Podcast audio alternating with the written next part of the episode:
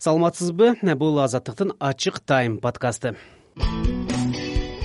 Эркектин жыныстык саламаттыгы жөнүндө сүйлөшөбүз.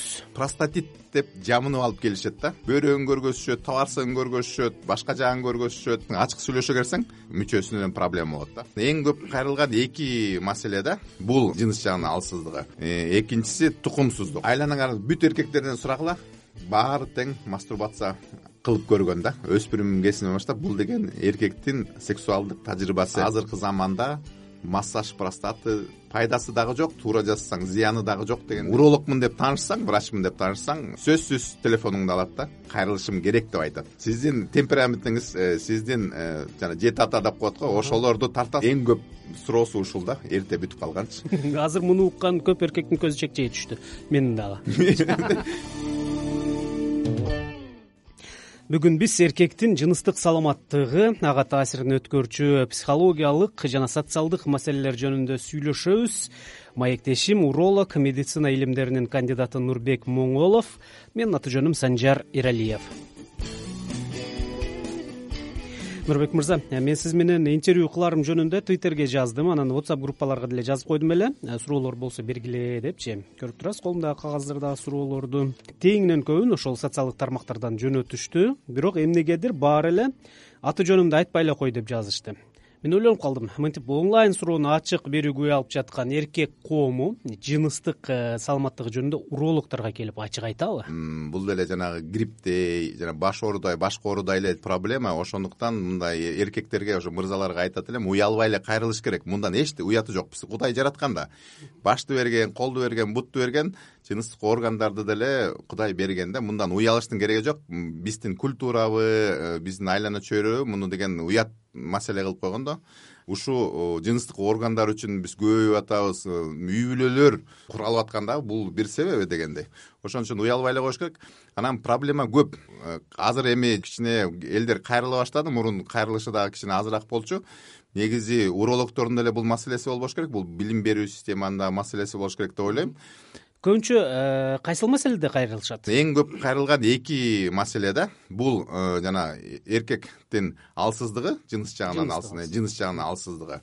Э, экинчиси тукумсуздук тукумсуздук азыраак бирок абдан чоң проблема. Бул дагы эркекке эле эмес бул деген семейный үй бүлөгө проблема болот да.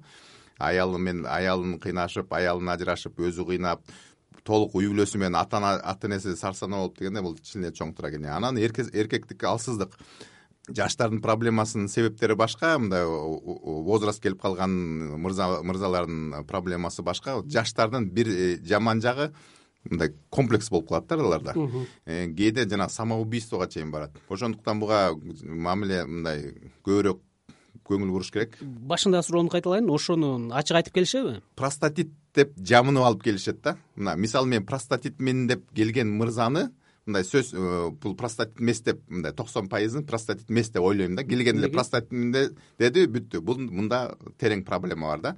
Анткени простатитмин деп келишет бөйрөгүн көргөзүшөт табарсыгын көргөзүшөт башка жагын көргөзүшөт чарчап атам дешет анан мындай ачык э, оорулууну ачасың да кайрылган кишини ачасың ачык сүйлөшө келсең кичине жанагы э, мүчөсүнөн проблема болот да. Демек эркектер көйгөйгө кабылып башка айласы жок болгондо гана дарыгерге келет.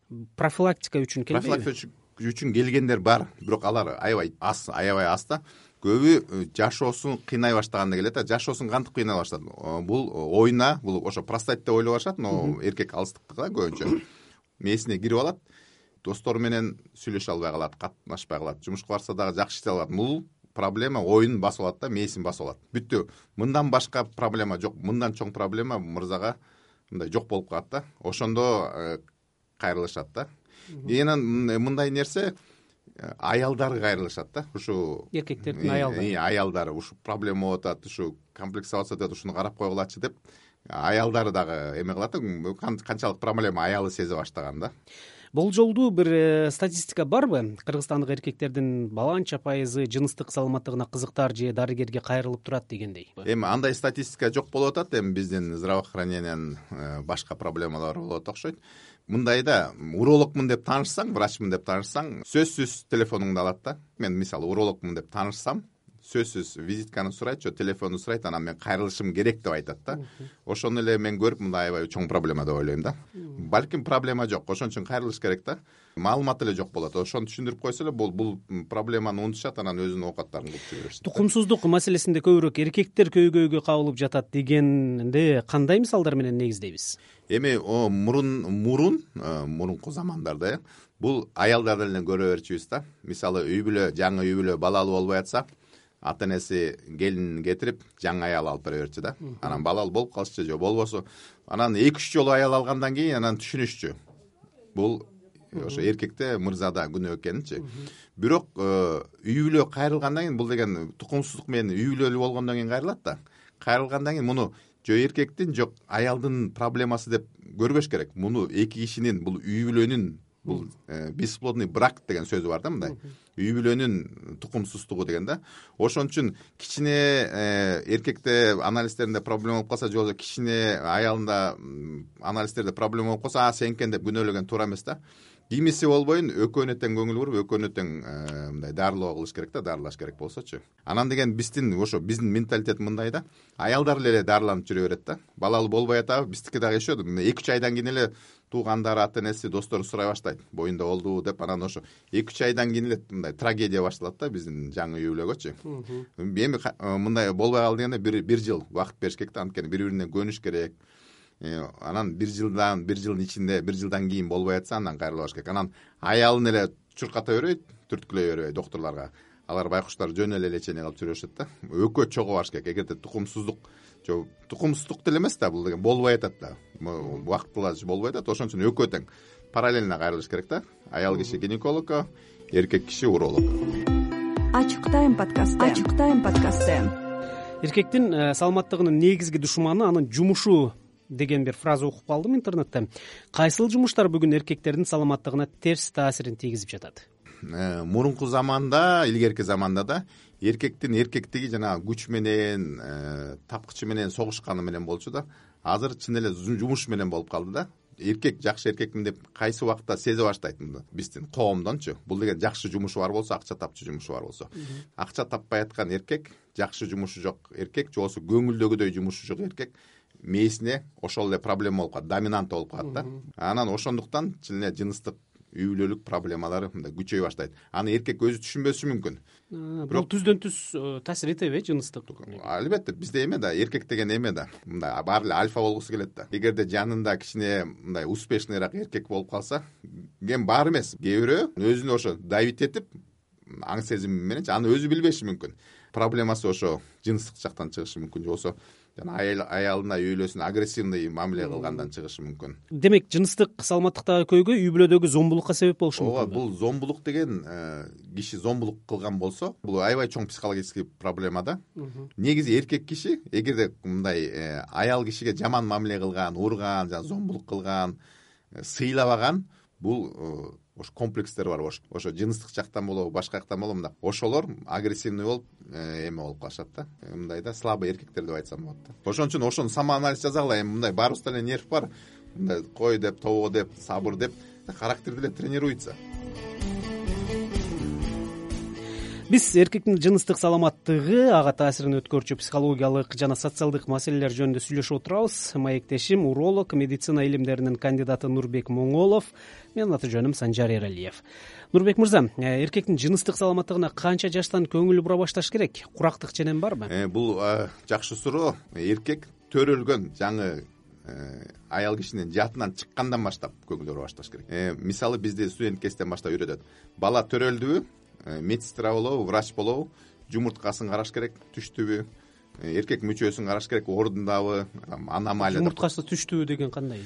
Бизде э, биз аял кишинин курсагында болгондо биз төрөлө электе жумурткабыз курсакта болот. Анан төрөлгөндө гана ылдый түшөт да. Төрөлгөн төрөлгөн моментте жумуртка төмөндөйт. төмөндөй ылдый жана мошонкага түшөт да. Ошол процесс да. Анан төрөлөр менен ошон үчүн жумурткасын карап коюш керек да. Түштүбү же түшкөн жокпу деп түшпөй калса дагы чоң трагедия кылбай бир эки үч айда түшүшү мүмкүн. Андан кеч түшпөсө анда түшпөй калышы мүмкүн да. Убагында бир нерселерди кылып турбасак дарылоо бул көбүнчө операция. Анда жумурткасы өйдө жагында калып калып а жумуртка муздакты жакшы көрөт. Ошо мошонкада бир градус ылдый. Жумуртка бир градус ылдый чөйрөдө жашайт да. Минус. Минус бир мисалы отуз алты болсо нормада температурасы ал отуз беште да. Ошон үчүн а ички курсагында жүрө берсе ал өзүнүн э, функцияларын жоготот да. Тукумсуз болуп калат ошол момент. Тукумсуз эмес жанагы эректильный дисфункция деп коет жана семирип бүт гормональный проблемалардан башталат да. Даже онкологический ооруларга чейин проблема башталат. Бирок аны дарыласа болот түшүрсө болот. Түшүрсө просто убагында көрүш керек да. Э, билимсиздик да бул дагычы ата энеси дагы билбейт кээ бир врачтар дагы көңүл бурбай калган болот анан үйлөнөрдө жыйырма жашында жыйырма беш жашында билет да ошо жумурткасы жок экен. Анан тукумсук менен келет. Же башка достору айтат же үйлөнгөндөн кийин аялы айтат сенин жумуртаң жок экен. Ошондо билип кеч. Эркектин гормондорунда проблемалар көбүрөөк кайсыл жашында башталат? Анын кандай симптомдору бар? бул э, гормон тестостерон деген. Бир эле гормонго көңүл буралы тестостерон эркекти эркек кылган гормон да. Э, тестостерон деген бул э, биздин булчуң.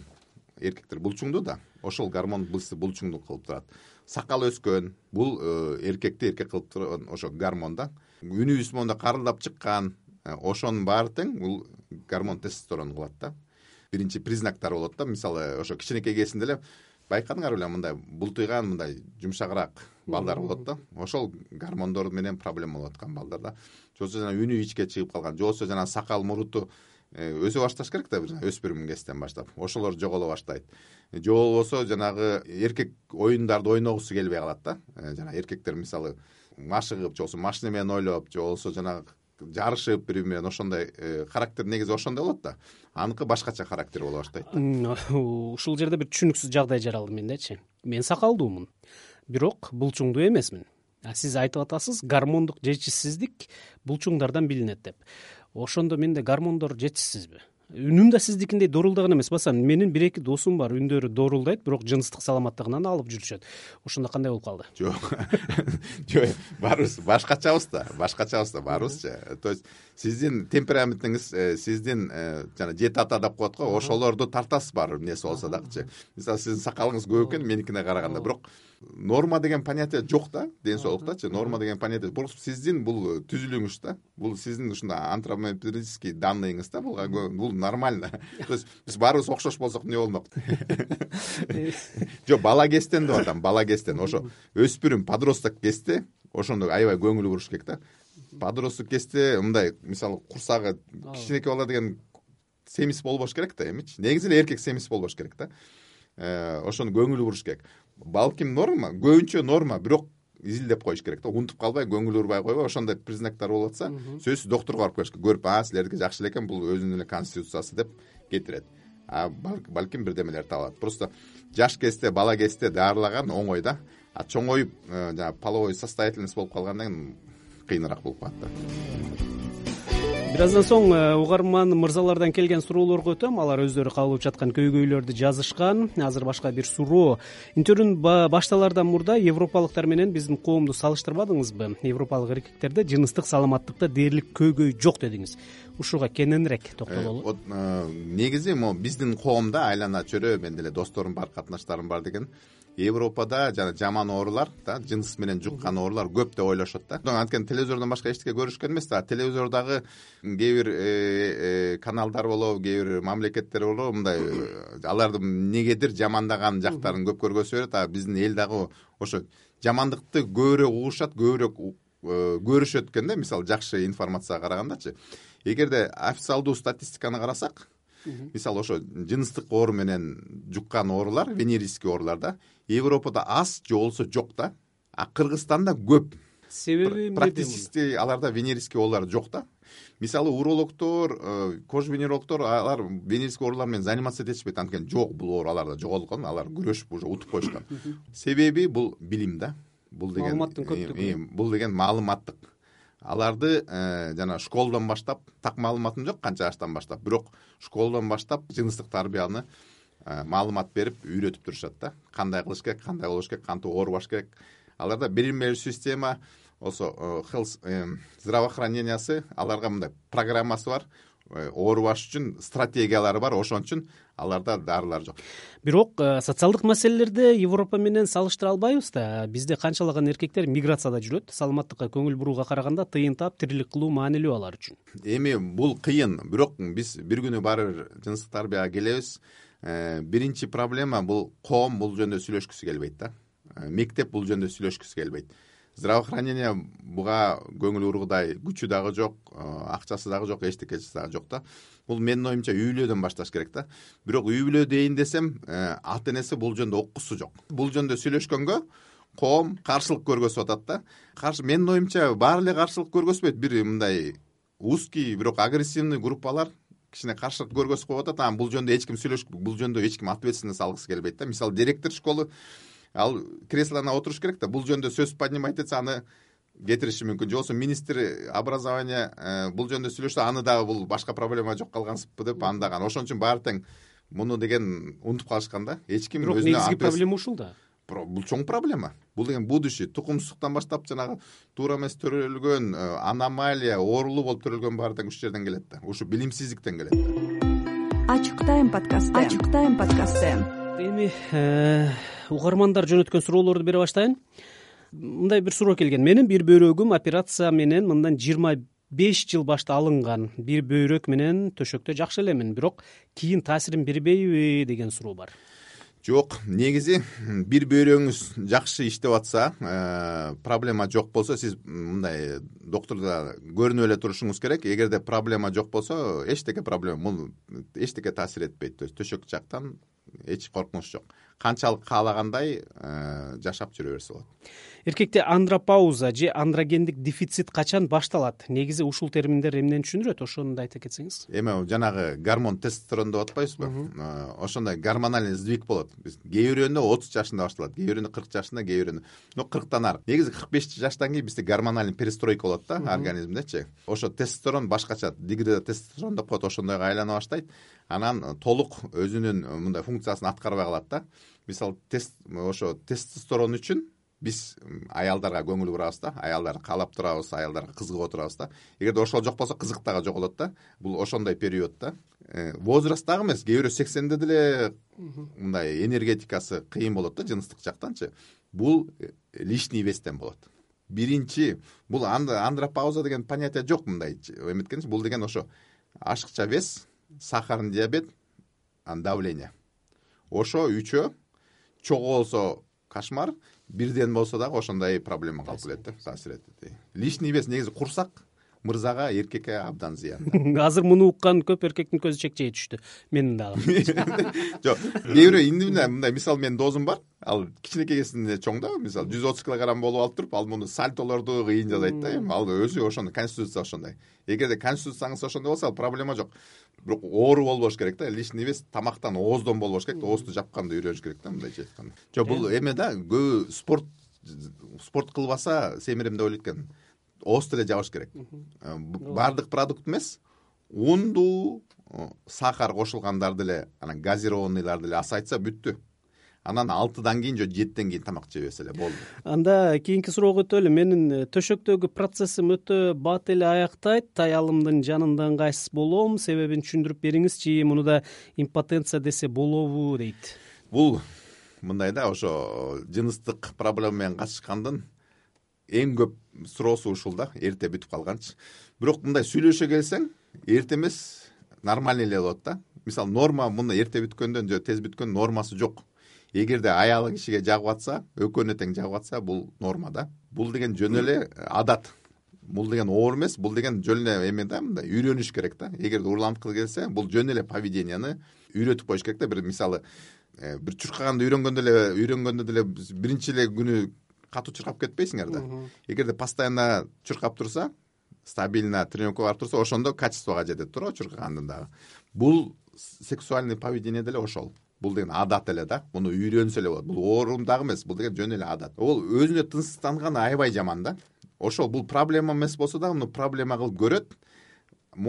Балким аялына эле жагып атат да. Аялына деле бул жакшы эле убактысы деле жетиштүү болот. Бирок бул өзү өзүнө түшүрүп комплекс кылып анан аялынын алдынан э, уялып анан мындай айтпаса дагы бул энергетика аялына дагы передаваться этет да. Аял дагы сезе баштайт да мындай тынчсызса мындай бул мындай невидимый бир процесстер болуп турат. Бири бирине мындай зыян келтире берет да. Эмне болду? Аялы өзүнө көрүшү мүмкүн да. Мени мени жактырбай атабы же мени эметпей атабы деп ошон үчүн мындай характер керек да мындайча айткандачы. Урологко эгерде чын эле жаман тынчсыз турат болсо анда урологко эле кайрылсын ала изилдеп дарылар бар улантуучу дарылар бар мындай башында э, поведениясын үйрөтүп берет. Плюс дарыларды жардам берип койсо бул сонун эле болчу нерсе да. Ушуга окшош эле бир суроо. Болгон тетириси твиттердеги бир колдонуучу жөнөткөн. Ал төшөктөгү процесси аябай көпкө уланып өзү да аялы да кыйналып кеткен учурлар болоорун айтат. Бул мындай да. Булар жөн эле э, организм мындай да. Каалаганда катнашыш керек да а кээ бирөөк э, супружеский долг деп милдет катары. милдет катары көтөрүп алат а карызды бергиң келбейт да. Ошондой моментте катнашып алса анда деген мындай э, катнаш болуп атканда суктаныш керек да. Аял киши менен суктанып сүйүп жана прелюдия кылып күтүп ошондо бат болот да. А может балким эркек киши мен милдетим деп эле милдет катары көрүп алган анда эмоция жок. Анда чын эле механический болуп калат чын эле бели ооруп чарчап тердеп дегендей экөөнү тең кыйнайт да. Негизи могу катышуучу катышууда да жыныстык катышууда мен мындай совет берет элем да. Эки киши тең каалаганда катышыш керек да. Бирөөңөр эле каалап туруп кыйнасаңар анда проблема күчөй баштайт. А эгерде карыз который мен бүгүн аялым менен жатып койбосом болбойт деген бул болбойт. Кийинки суроо деле твиттерден келген. Простатитти текшертүү же массажга баруу мен үчүн өтө чоң түйшүк уялам дейт. Түшүнүктүү. Негизи ушул ушул темада сүйлөшүш мен бир немецкий бир известный газетага жазыптыр да. Мастурбация жөнүндө эч ким сүйлөшпөйт. Бирок аны баары тең кылышат дегенчи. Бул дагы ушундай сыяктуу болуп атат да. Анан эгерде простатит деген дагы оору биздин өлкөлөрдө өнүгүп аткан өлкөлөрдө могу бывший советский союз жана эмираты э, индияга окшогондор эле көп.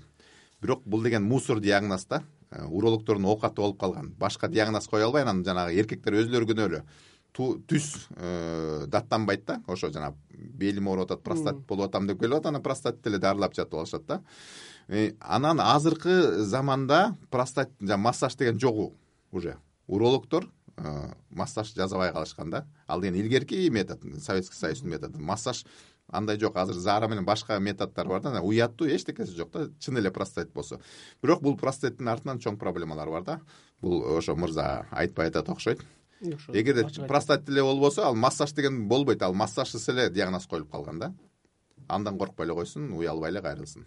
Айланаңар бүт эркектерден сурагыла баары тең мастурбация кылып көргөн да. Өспүрүм кезинен баштап бул деген эркектин сексуалдык тажрыйбасы жашоонун этапы да сексуальный жашоонун этапы да.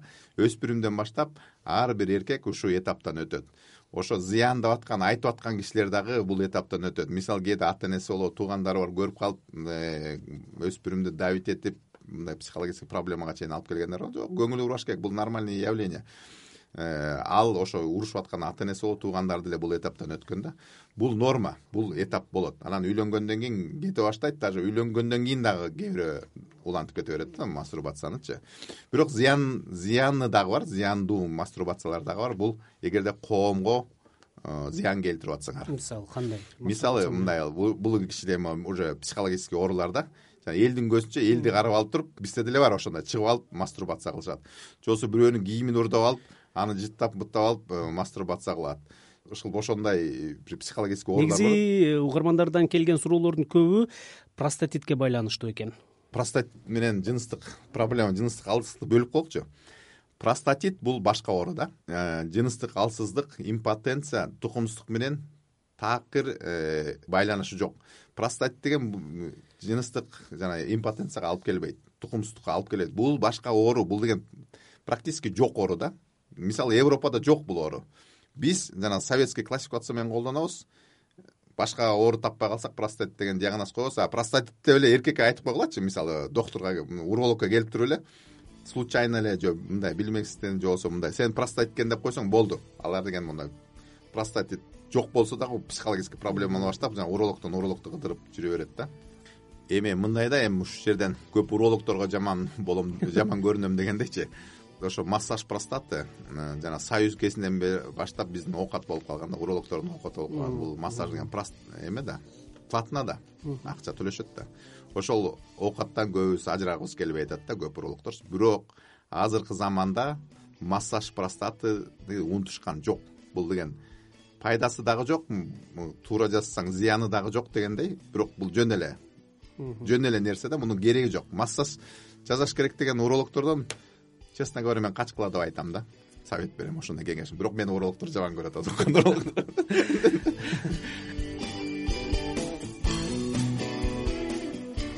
кайра ушул теманы улай бир суроо келген. Э, жыйырма жаштан ашкан жигиттер деле простатит оорусуна чалдыгып жыныстык жактан алсыз болуп калышат экен. Айрыкча бул көйгөйгө чалдыккандар россияда жүргөндөр дейт алар өздөрүн кантип сакташ керек? Мигранттар деп атпайбы. Алар э, көп сууктарда иштейт да анан мындай дискомфорт болот да хроническая ал простатит эмес ал хроническая тазовая боль. Ошо простатиттин түрү бирок хроническая тазовая боль. Ошо оору сезгенден же болбосо дискомфорттун сезгенден башка зыяны жок. Ал тукумсуздукка алып келбейт импотенцияга алып келбейт жыныстык алсыздыкка алып келбейт. Ошону билип алышсын да мигранттарга кайрылып кетелем. Алар суукта иштесе да жанагы жумурткасынан мындай оору деле эмес дискомфорт болушат бирдемелери оорушат. Бирок простатит деп ойлобосун дальше иштей беришсин эгерде сакташ керекпи баары бир албетте бутун. Бутун жулуу кармап өзүнө мындай гигиена труда деп коет ошондой эме менен эгерде чын эле өзүнү жертвовать этип иштей берген болбойт бул простатиттан башка дагы чоң башка зыяндарды алып келиши мүмкүн. Ошондуктан кийими спец формасы тамагы бүт баары ордорунда болуп туруш керек да. Жыныстык жол менен жугуп калган майда ооруларды өз алдынча дарылоо мүмкүнбү? Кандай жолдору бар? Анткени ачык айтуудан уялат көбү бул өнөкөт ооруга өтүп кетиши мүмкүнбү деген суроо. Чын эле жана өзү көбү өзү дарыланышат да. Өзү өзү дарыланышат же болбосо досторунан угуп опыту бар досторунан э, угуп дарыланышат же болбосо аптекага барып мен ушундай болуп калдым десе алар дарылай беришет бул абдан туура эмес. Жана сыя албай калган көрдүңөрбү трубка ошого барышат. Же болбосо тукумсуздукка дагы ушул туура эмес лечение кылган алат да. Анан еще бул оорулар э, оорулуулар бул ооруну распространять этишет да. Ошон үчүн билимсиздик кандай зыян келтириши мүмкүн да? Биздин коомго өзүлөрүнө эмес ошол эле ооруга эмес. А коомго зыян келтириши мүмкүн да. Жыныстык саламаттыктын кризистик жашы канча? Негизи бул кризистик курак үй бүлөдө баарына кездешет да. Баарында болот да. Бул э, мындай бир жолу эмес. Ошо жашоодо үй бүлөлүк жашоодо эки үч жолу болушу мүмкүн. Кээ бирөөкү андан дагы болушу мүмкүн да. Андай болушу мүмкүн. Бири бирине түшүндүктүү мындай ошол э, үй бүлөдөгү эркек болобу аял киши болобу зрелый болуш керек да. Мисалы болбой калса эле чоң проблема кылбай мындай күтүш керек. Ал өтүп кетет да бир убакыт эле да. Ошого түшүнүктүү мамиле кылып жардам берип коюш керек сөз менен болобу жылуу мамиле менен болобу же болбосо жана аял кишилер э, кыйын эркектерин сүйрөп келишет да урологторгочу же болбосо өзүлөрү биринчи келип алып мен ээрчитип келем ушундай ушундай деп түшүндүрүп проблемаларын айтып берип келишет ошону бири бирине жардам бериш керек болду. Тери оорусу ангина тиш оорусу жана башка ушул сыяктуу дарттар кандайдыр бир себеп менен урологиялык ооруларга түрткү болушу мүмкүнбү ооба жана тамак оору тиш оорулар э, урология эми жыныстык жакта эле го мисалы бөйрөккө жаман аябай жаман таасир этет да. Жанагы көрүп атасыңарбы гемодиализге түшүп калганчы. Жана искусственный почка же болбосо почкасын алмаштырууга чейин барып атпайбы. Ошол тамактан гана башталат. Тиштен дагы башталышы мүмкүн. Эгерде ошолорго убагында көңүл бурбай койсо ошондой жаман ооруга чейин алып келиши мүмкүн ачык тайм подкасты. Ачык тайм подкасты кезектеги суроо менимче өтө актуалдуу. Үйлөнгөндө жеңелер келин күйөөнүн биринчи нике түнүндө кароол болот эмеспи. Мен жеңелерден уялып аябай кыйналгам. Менимче үйлөнгөндө көп жигиттер ушундай психологиялык басымга кабылышат. Ошол психологиялык басымды жеңиш үчүн эмне кылуу керек ал кийин таасир бериши мүмкүнбү деген суроо. Ошо биздин культурабы же ошондой традициябы ал аябай чоң зыян кээ бир да эми баары деп эле коеюн. Ушу кээ бир нерседен кутулуш көп зыян берет да. Жеңе институту. Институт жеңе. Же болбосо достор деле. Мисалы бир пациент келген э, ошо биринчи э, брачный ночто болбой калыптыр да. Анан мындай сүйлөшө келсең эми жаш андай келгенден кийин это психологический да мээсинде проблема да эми түшүнүктүү да анан бирок сүйлөшүшүң керек эмнеге болгончу? Э, үй кичинекей экен көшөгөндүн артында көшөгөнүн бери жагында достору кетпей жанагы арак ичип жыргап тууган тушкандары менен отурушат. Анан сен көшөгөндүн артына угулуп аткан жерге барып анан сен нике түнүн өткөрүшүң керек экен. Естественно анда мындай аныкы эле эмес баарыныкы эле болбой калышы мүмкүн да. Э, же болбосо жеңелери чын мындай э, аңдып турушат да. Кайра кайра ал кээ бирөөнө мисалы бир эки мүнөт баштаганга жетет а кээ бирөөнө керек болсо күндөп жумалап күтүш керек да. Аңдып туруп эле кайра кайра эшикти ачып ошондой бири бирине мындай психолог биринчи психологический травма аябай зыян да. Мисалы ошо жигит дагы биринчи жолу катнашып аткан болсо аял киши дагы биринчи жолу биринчи жолу нике болуп аткан болсо ошондо кандай чувство кандай впечатление калса ошол кийин өмүр бою ушул жабышып жүрөт да. Ошондо ошондой туугандары жеңелери достору э, зыян келтирип ошондо условия создавать этип бербесе бул жаман жашоосуна жаман таасир берип коюшу тигини ойлоно берип анан ошол эки доминанта калып калат мээсиндечи кээ бирөөгө көбү мындай өтүп кетет да кайра переоборот этип кетет. Негизи бүт оорулар мээден дейт. Биз эркектин жыныстык саламаттыгы ага таасирин өткөрчү психологиялык жана социалдык маселелер жөнүндө сүйлөштүк. Маектешим уролог медицина илимдеринин кандидаты нурбек моңолов болду. Менин аты жөнүм санжар эралиев уккандарга ыраазычылык оорубаңыздар